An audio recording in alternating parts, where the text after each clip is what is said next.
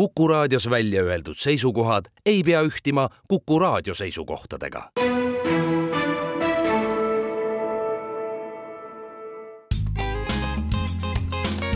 ärimeeter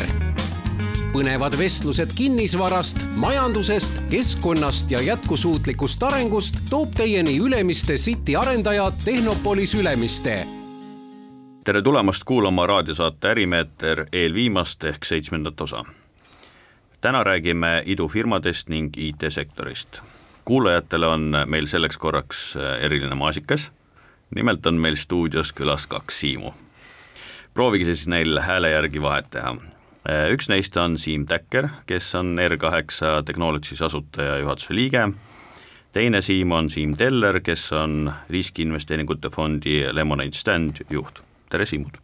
tervist! tere! mina olen Ülemiste City ärilinnaku arendaja, äh, Tehnopolis Ülemiste juhatuse esimees ja ühtlasi käesoleva äh, saate saatejuht. Saadet saab nagu ikka järele kuulata Spotify's või Kuku veebis aga alustuseks, et äh, head külalised, et äh, selgitage palun kuulajatele paari lausega, et millega teie ettevõtted täpselt tegelevad? ja tere siis kõigile raadiokuulajatele ja tore olla siin stuudios. Äh, minu nimi on siis Siim Täkker ja olen siis ettevõttest R8 Technologies, et siis see on, see on minu hääletämber, kui teist Siimu hakkame ka eristama. ja meie siis pakume äh, tehisintellektil põhinevat juhtimislahendust siis kinnisvara omanikele, millel on väga suur mõju, et saavutada äh, globaalsed kliimaeesmärgid ja samuti on see sellise kriiside ajal hea lahendus, mis siis pakub ka äh, omanikele, üürnikele ka siis kokkuhoidu ja siis efektiivsemat kinnisvara juhtimist. meie lahendust on ka tegelikult nomineeritud erinevate auhindadega hiljuti Äh, saime ka Eesti ettevõtlusauhindades äh, äh, innovatsiooni kategooria top kolme hulka. palju õnne ja, ja, ja meil on veel erinevaid auhindu ja suuremaid uudiseid ka, vist võib-olla saab meie kohta lugeda meediast tere, mina olen Siim Teller, Lemonade Standi juht, Lemonade Stand on varase faasi riskiinvesteeringute ettevõte, et investeerime mm, hästi noortesse tehnoloogia startup idesse, põhiliselt äh, ärisuuna äh, tarkvara loo-, loojatesse Baltikumis, Ida-Euroopas ja täiesti juhuslikult olen, olen investor ka R8-s, nii et äh, Siimuga oleme aastaid nüüd koos tööd, tööd teinud. aga nüüd natuke edasi minnes, et sellise üldise küsimusena, et mis teie töö sellel üleval hoiab, et võib-olla selle mõttega, et mis on need teemad, millega te täna tegelete? minu peamine, noh, ma saan öösel tegelikult hästi magada, küll aga on erinevaid väljakutseid, et siis äh,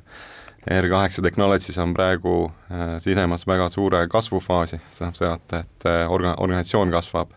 ja laienemine erinevatel rahvusvahelistel turgudel äh,. Meie peamine fookus on täna toimetada Euroopa suunas, kus meil on ka kliendibaas kaheksateistkümnes erinevas riigis ja nüüd ka siis äh, Jaapani suunas me toimetame, kus me siis plaanime koos äh, Panasonicuga teha suuremat siis tarkvara äh, laienemist äh,. jah, noh, see siis ongi nagu juhti, juhi seisukohalt on siis äh, paras väljakutse. et üleval hoiab siis see ajavahe? Üleval Jaapani ja, ja Eesti vahel. kakskümmend neli seitse on juba aja, aja, ajavööndid, kus siis käib mingisugused tegevused. väga hästi. Täna öösel magasin küll hästi, aga üks nädal tagasi tõepoolest ärkasin keset ööd üles, et äh, teha märkmeid kahe portfelliettevõtte kohta ja võib-olla need asjad, mis üleval hoiavad, ongi, et äh, ohtude ja riskide märkamine ja võimaluste väljatoomine ka, et äh, founder'id, juhid on, on peadpidi oma igapäevatöös sees, et mõnikord siis niisuguse natukene kõrvalolijana näed, näed mingisuguseid asju, mis siis järgmisel hommikul telefon võtta, helistada, et kuule mis, mis seis sellega on, et kas te selle peale olete mõelnud, et um, paar korda on selliseid asju öösel juhtunud küll, töi-, töiselt hästi, no tavaliselt head mõtted tulevad, tulevad siis, kui puhkusel oled, et hea pea puhanud on, et aga kui, kui varem me kuulsime idufirmade osas vaid sellest, et kes kui palju raha tõstis, siis täna kuuleme idufirmade puhul pigem kontorite sulgemisest, saneerimistest, pankrottidest et kuidas sellel idusektoril täna siis teie vaates läheb ja, ja kuidas läheb äh, teie juhitavatel ettevõtetel? Ma võin alustada siis Lemonade standi vaatepunktist, et ähm, riskiinvestorina meie vaatame hästi pika äh,, pikaajaliselt seda asja, et kui meelde tuletada, siis äh, Wise ja Pipedrive, neil võttis kümme pluss aastat, et jõuda sellisesse suurde seisu, et, et see, et äh, turud siin käivad üles-alla ja on vahepeal võib-olla raskem aasta või raskem paar aastat tegelikult nii pika teekonna puhul ei tähenda, et need, kes lõpuks võidavad, et need vahepeal peaks ära surema. Aga aga jah, et äh, portfelli vaates veel, veel võib-olla kommentaar, et kui mul ei lähe mõned ettevõtted seal untsu, siis tegelikult ma ei võta investorina piisavalt riske äh,, peab ka niimoodi hindama ja, ja tegelikult ega sellel untsu minekul on ka positiivsed küljed, et äh, nendes ettevõtetes on alati mingisugune talent lukus. Nad teevad mm -hmm. seal tööd ja, ja mm, meil on siin, oleme alati olnud uhked, et meil on nagu jonnakad startup'id, keelduvad suremast, alati see ei ole minu arvates hea, et kui sul kümneks aastaks jääb vinduma niisugune hästi väiksesse kasvu, äh, siis tegelikult võivad seal olla väga nutikad inimesed äh, kinni kes vabanedes kas äh, läheks mõnda teise organisatsiooni või looksid oma ettevõtte hoopis ja, ja võib-olla saaksid hoopis teistsuguse hin-, hingamise. et ma, ma arvan, et, et see on täitsa okei okay,, kui, kui kõik ei ole alati võitjad. meie toimetame siis rohetehnoloogia valdkonnas, kuna meie planeet on paratamatult sellisel hukatuse kursil, et et me nüüd lähme ka COP kahekümne kaheksa konverentsile, et kus siis, mis on siis üle, üle, ülemaailmne kliimakonverents, kus nagu selle konverentsi eelduses öeldi või alustuseks öeldi, et, et siis täna see nagu kliima soojenemise trend näitab, et me oleme kolmekraadise kliima soojenemise kursil, kuigi eesmärk on siis saavutada pool, poolteist kraadi, millest kõik on kokku leppinud juba Pariisi kliimaleppega juba aasta, aastakümneid tagasi. ja ja meie oleme siis tehnoloogiaettevõte, kes siis pakub tegelikult ka lahendust, et vähendada energiatarbimist, vähendada äh, süsiniku jalajälge äh, hoonetes ja samal ajal siis ka äh, ravida seda roheenergiast tulenevat volatiilsust, pakkudes siis äh, hoonete energiatarbimise paindlikkus siis äh, võrguoperaatoritele abistamiseks siis neid äh, võrgusagedust hoida.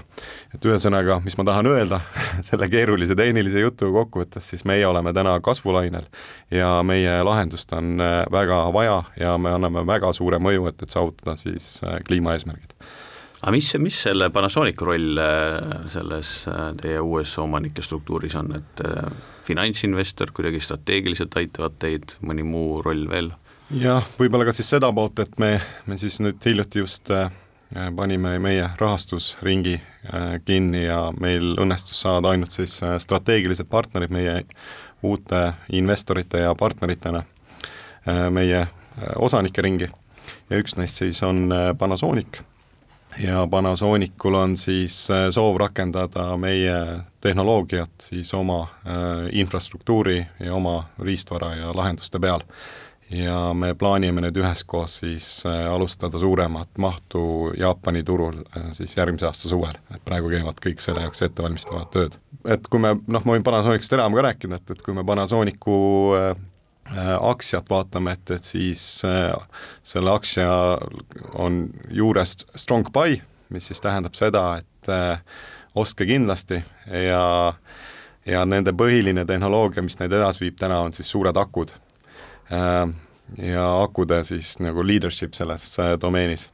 ja teiselt poolt siis äh,, mis mina vaatasin seda, et kui Panasonic tegi announcement'i, et äh, mis oli siis kolmekümne esimesel oktoobril et nad investeerisid siis äh, R8-sse, et siis äh, nende aktsia äh, hind kasvas kümme või kakskümmend protsenti circa. no vot võib-olla veel kommentaarina, et Eestis jälle on niisugune huvitav mingisugune seos Jaapaniga, et jaapanlased on alati imetlenud meie digiriiki värki aga jaapanlased on ka suured investorid Nordic Ninja fondis, mis on nüüd Põhjamaade üks suuremaid äh, fonde, pluss siis äh, mis tera... ka vist laieneb. jah, täpselt, ja ka Terra Venture siis, mis on siis äh, äh, ka Euroopa varase faasi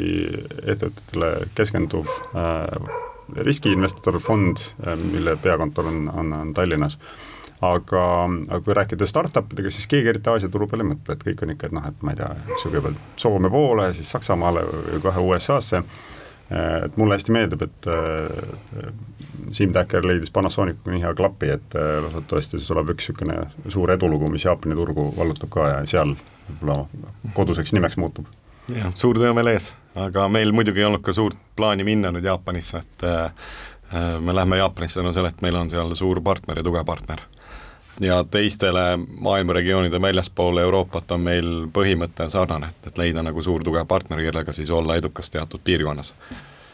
ja ma just varasemast vestlusest kunagi sinuga mäletan, et sul oli kas mingi õpiseos ka Jaapaniga või? jaa, ma olen tegelikult õppinud ja elanud ja töötanud Jaapanis aasta aega, et tegelikult ma arvan, et see ka mängis rolli lõpuks, kui äh, jaapanlastega saime kokkuleppele väga hästi, aga head kuulajad, teeme oma saatesse siinkohal esimese lühikese pausi ärimeeter. põnevad vestlused kinnisvarast, majandusest, keskkonnast ja jätkusuutlikust arengust toob teieni Ülemiste City arendaja Tehnopolis Ülemiste meie tänase saate külalised on Siim Täkker, ettevõtte R8 Technologies juhatuse liige ja Siim Teller, riskiinvesteeringute fondi Lemonade Stand juht. mina olen saatejuht Gert Jostov ja tänase saate teemaks on meil äh, idufirmandus aga jätkame siis, et mis on täna idufirmade peamiseks takistuseks äh, arenemisel, et äh, on see ainult raha, on see talendid, on see midagi muud? ma võin alustada jah, et raha ka kindlasti, aga palju olulisem, mis ma näen, on, on teatud oskused, et, et meil on siin startup'e ehitatud, eks ju, kümme pluss aastat, aga, aga mingisugused Äh, nurgad on ikka nõrgad veel, et, et isegi kui on arendajad, kes äh, mingisugune idee olemas, et nad ehitavad esimesed prototüübid valmis, siis äh, kus komistama hakatakse, on see, et kuidas jõuda klientideni, kuidas jõuda esimeste pilootprojektideni, kliendi tagasisideni ja, ja kui see on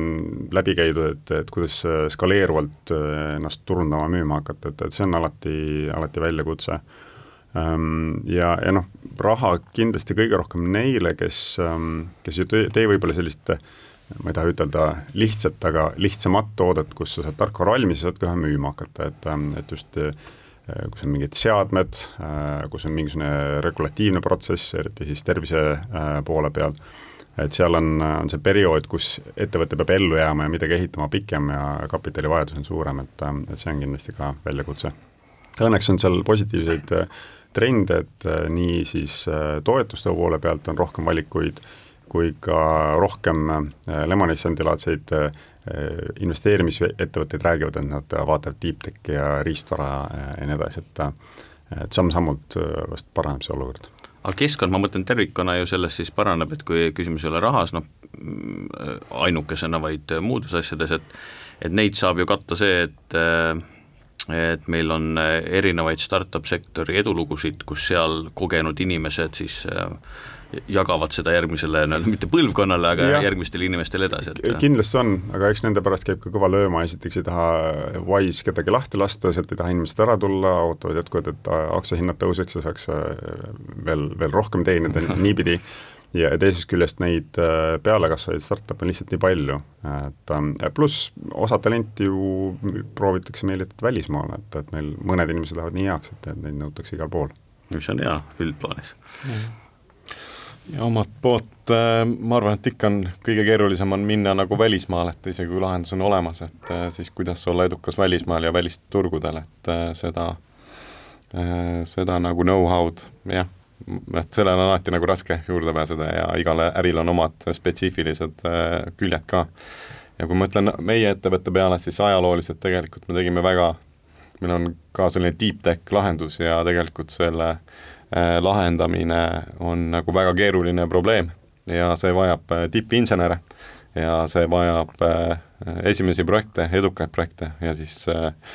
ja siis järgmisi. Ja kui ma mõtlen nagu tagantjärgi, et siis kapitali algne vajadus oleks olnud võib-olla esimesest investeeringust äh, umbes kolm või neli korda suurem, et olla nagu teha nagu täis nagu lahendus ja seda rahulikult aastaid arendada, et äh, kui me mõtleme näiteks isesõitva auto peale,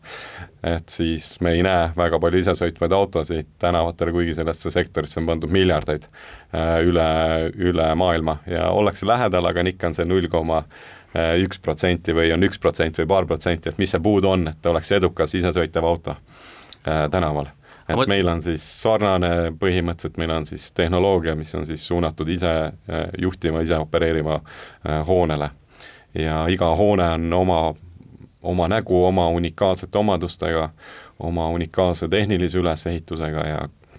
väga kiiresti skaleeritav äh, äh, tarkvaralahendus vajab äh, ta peab olema väga äh, reliable ehk siis kvaliteetne töökindel ja pakkuma siis seda väärtust siis erinevates hoonetes. ja seda me nüüd olemegi nüüd juba sinna jõudmas, et me, kus me saame nagu äh, olla väga uhked selle üle, et, et me oleme selle nagu kadalipu läbi käinud ja me oleme täna siis erinevate äh, maailma trendide toel, siis me oleme siis äh, liikumas siis äh, edukalt äh, rahvusvahelistel turgudel väga hea, aga võib-olla järgmisena küsingi, et mis, mis teeb täna äh, ühe iduettevõtte või, või startup ettevõtte või siin IT-sektori ettevõtte edukaks, et äh, kui me va-, mingites valdkondades, kus äh, kus no ma ei tea, näide, näitena toodud isesõitev auto vajab ütleme, algsest prognoositust oluliselt rohkem tõenäoliselt kapitali ja aega, et siis, siis ju tema kõige parem inkubeerimiskoht oleks mõne suure konglomeraadi või korporatsiooni mingi research osakonnas, on ju, kus antakse kapitali peale see tulemust, et ei saa tuua, samas IT-s on see, või startup sektoris on see oluliselt ju keerulisem, et raha on kohe otsas ja inimesed on kohe laiali jooksmas, et kui, mis need iduettevõtted siiski nagu edukaks teeb, et kuidas nad saavad hakkama nii nii-öelda raskes konkurentsis? kliendikesksus, et see, et leida tõesti üles see asi, mida kliendid väga-väga tahavad ennast üles maksma, et selles mõttes, et see ei ole kuidagi erinev idusektoris versus mingi muu sektor, et et sa pead tootma, looma miskit, mille eest on inimesed nõus raha maksma ja raha maksma täna, mitte, mitte võib-olla järgmine aasta. et see klassikaline valuvaigisti versus vitamiin vi,, vitamiinvõrdlus kehtub ja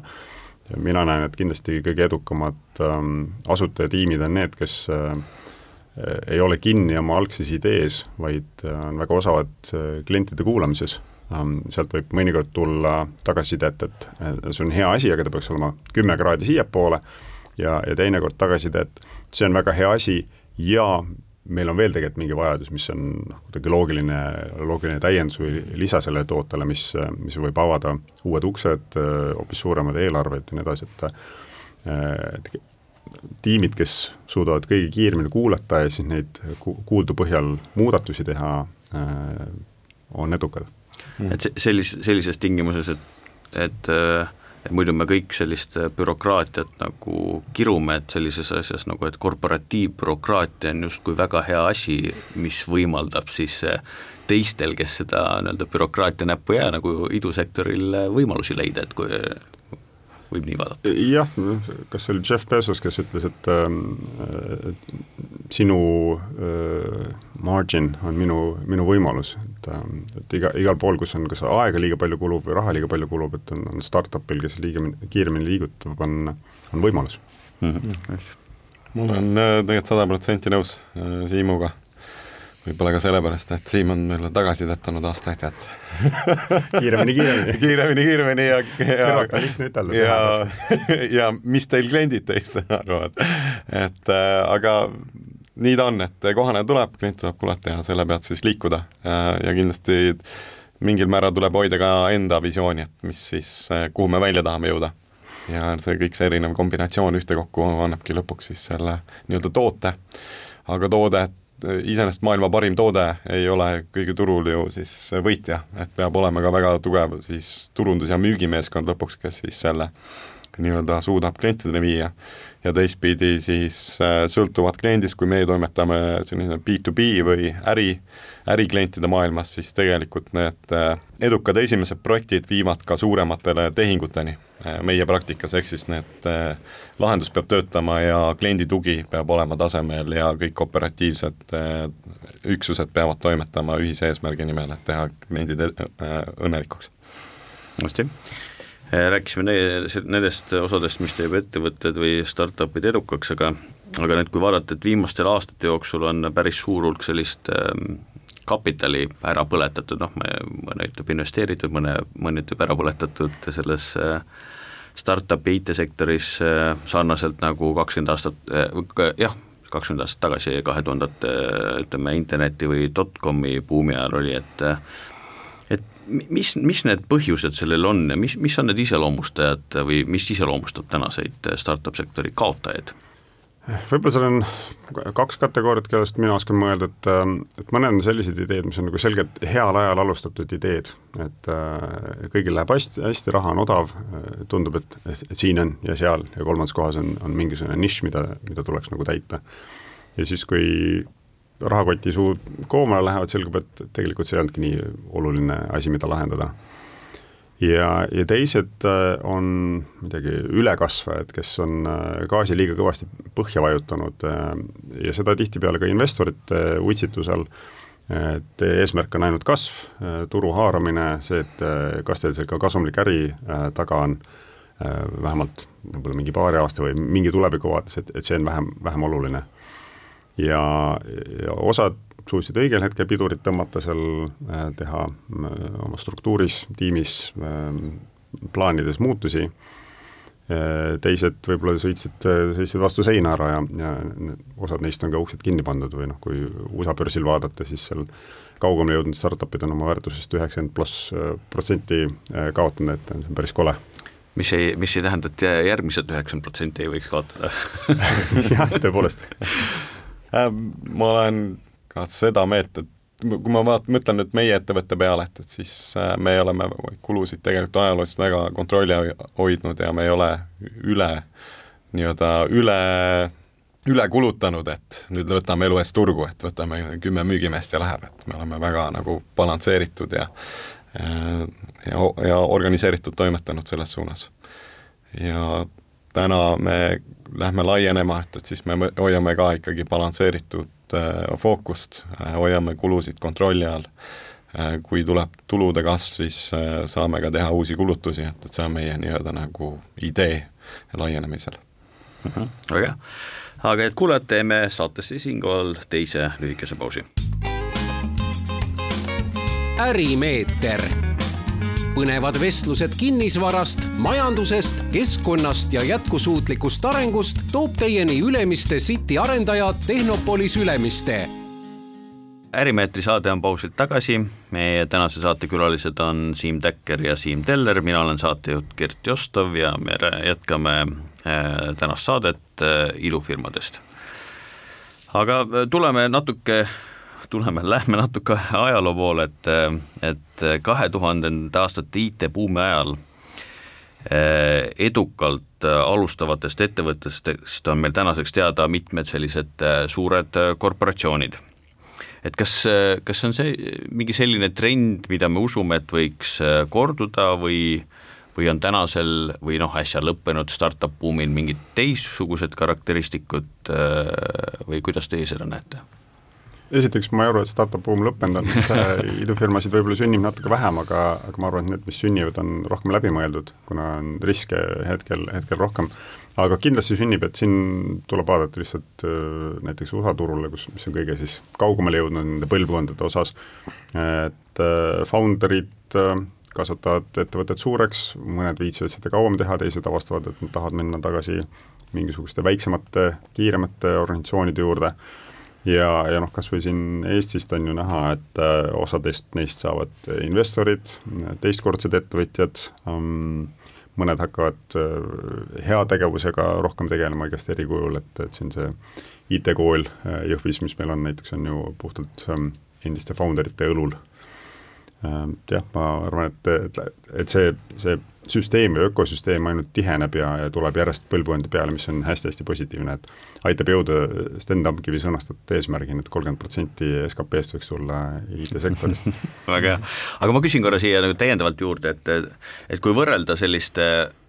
Euroopat ja Ameerikat, on ju, siis selle startup sektori ähm, nii-öelda mõjusus ja edukus on väga oluliselt erinevad, et kas selle, kas see on nagu kultuuriline küsimus, et ühel pool on nagu selline läbikukkumine ja uuesti alustamine äh, lihtsam ja parem, äh, või on see mingisugune regulatiivne küsimus, et, äh, et USA-s saab katsetada asju rohkem kui, kui Euroopas, kuna meil on regulatiivne keskkond karmim, et mis, kuidas te näete, et miks, miks, miks seal nii suur erinevus on? mina ise mõtlen seda ka sedapidi, et Ameerikas on tegelikult see raha kätte, kättesaadavus lihtsam ja saadakse suuremat raha nagu, nagu parematel tingimustel. et see siis nagu ajendab ka enam nii-öelda võtma suuremaid riske ja kiiremini siis äh, panustama sellele, et äh, võtta äh, turgu. ja, ja Ameerika turg ju, kui alustada Ameerika turult näiteks ettevõtjana, siis oled kohe väga suurel laial turul, kus on võimalik siis kiiresti läbi lüüa et kui võrrelda nüüd Euroopat või näiteks Eesti turgu, siis Eesti turg ju oma kliendibaasilt võimalike klientide poolest on üsna väike ja tegelikult see raha saadavus turul noh, aastaid tagasi oli palju väiksem, et, et tegelikult täna on juba raha on äh, paremini saadaval. Ja kui meiegi nüüd praegu ju otsisime endale uusi investoreid ja sobilikke partnereid äh,, siis ka kõigi, kõiki neid nagu kulmu kergitama, et mis ettevõte see seal nüüd Eestis ongi, oot, oot, kus kohas see Eesti on, et et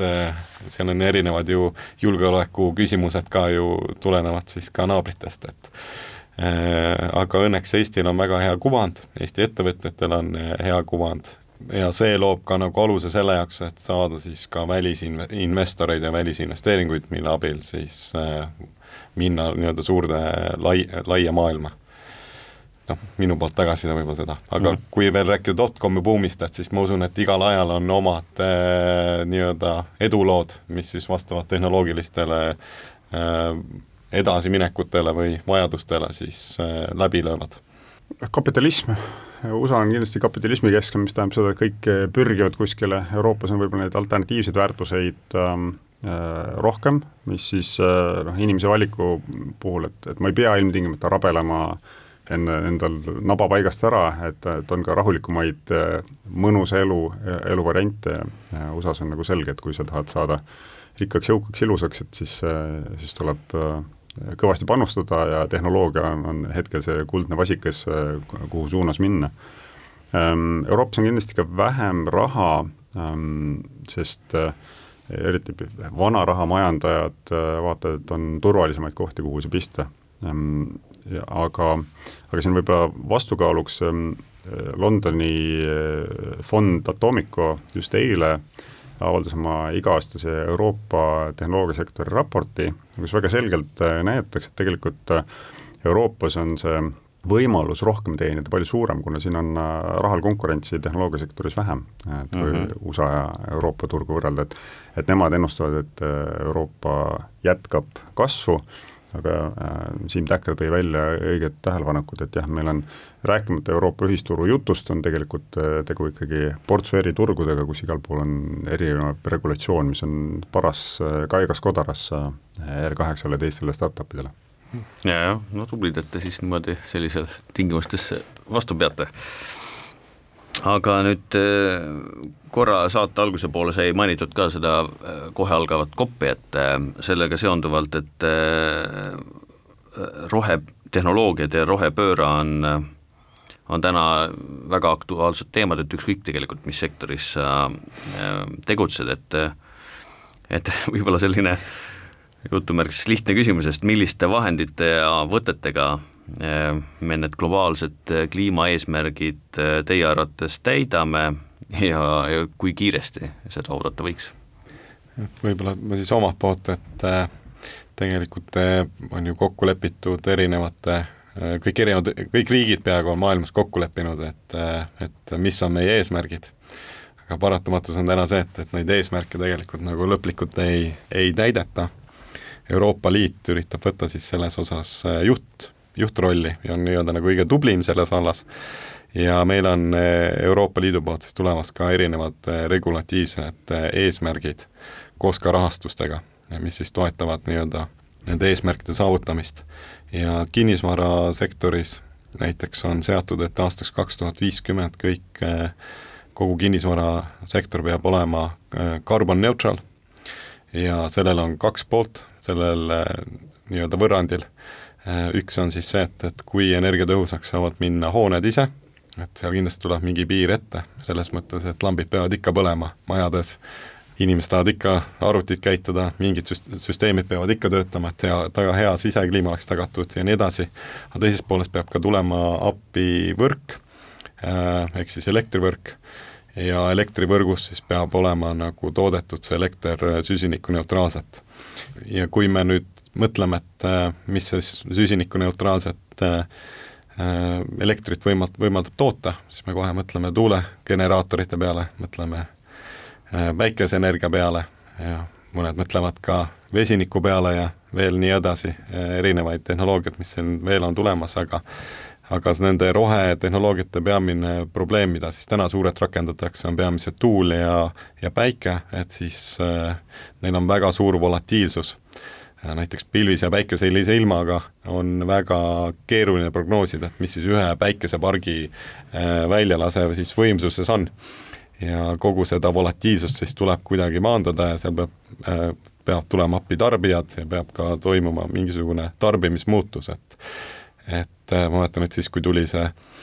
eelmine aasta oli meil ju energiakriis ja kõik meeleheitlikult järgisid seda börsihinda ja siis tuli riik välja, et kuulge, hei, meil on nüüd üks fikseeritud äh, pakett kõigile, et ärge enam muretsege, siis tegelikult see on ju äh, vastupidine sellele, kuhu siis turg peaks nagu põhimõtteliselt liikuma, et tegelikult peaksid kõik tarbijad ja kõik inimesed ja kõik süsteemid ju tulema sellega kaasa, et me nüüd järgime näiteks börsihinda või reageerime siis erinevatele vajadustele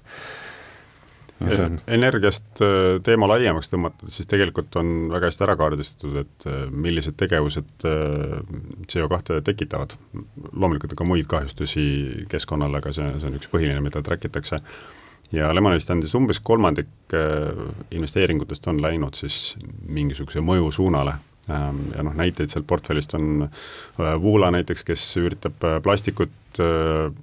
lambavillaga asendada pakendites ähm,, R8, kes energiat äh, aitab kokku hoida, väga labaselt öeldes, äh, Reverse Resources, kes siis äh, Bangladeshis, Vietnamis, Indias tekstiilitehastes aitab parandada, et mis juhtub tekstiilijäätmetega ja nii edasi ja nii edasi, et, et neid probleem on nii suur, et tegelikult on meil vaja kõiki lahendusi, et, et jah, võib-olla mõni on väiksema mõjuga, inimesed võib-olla on pahurad, et nad peavad kodus prügi sorteerima, aga, aga ska-, kõiki neid asju skaleerides tegelikult me loodetavasti jõuame sellele eesmärgile lähemale. Positiivse poole pealt, et järjest tuleb juurde fonde, äriingleid, ka Euroopa siis fondid, mis kas grante määravad või otsustavad ise ähm, äh, riskiinvesteeringut ettevõttesse raha panustada äh,, neil tuleb juurde neid, kellel on, on mõju eesmärk. kas või väga, väga puhas, et ainult võite rohe, roheinvesteeringut teha, mitte SmartCap Eestis on investeerinud nelikümmend miljonit sinna. et äh, lootust on jah, noh, küsimus on selles ajahorisondis, et, et äh, kaks tuhat viiskümmend Euroopas äh, tundub ka päris kauge ja võttes arvesse veel, et ülejäänud teised maailmajaod väga pole sellega veel ühinenudki, et mingeid käegakatsutavaid eesmärke pannud. absoluutselt, siin on ka vahepealsed eesmärgid kaks tuhat kolmkümmend ja nii edasi, et tegelikult see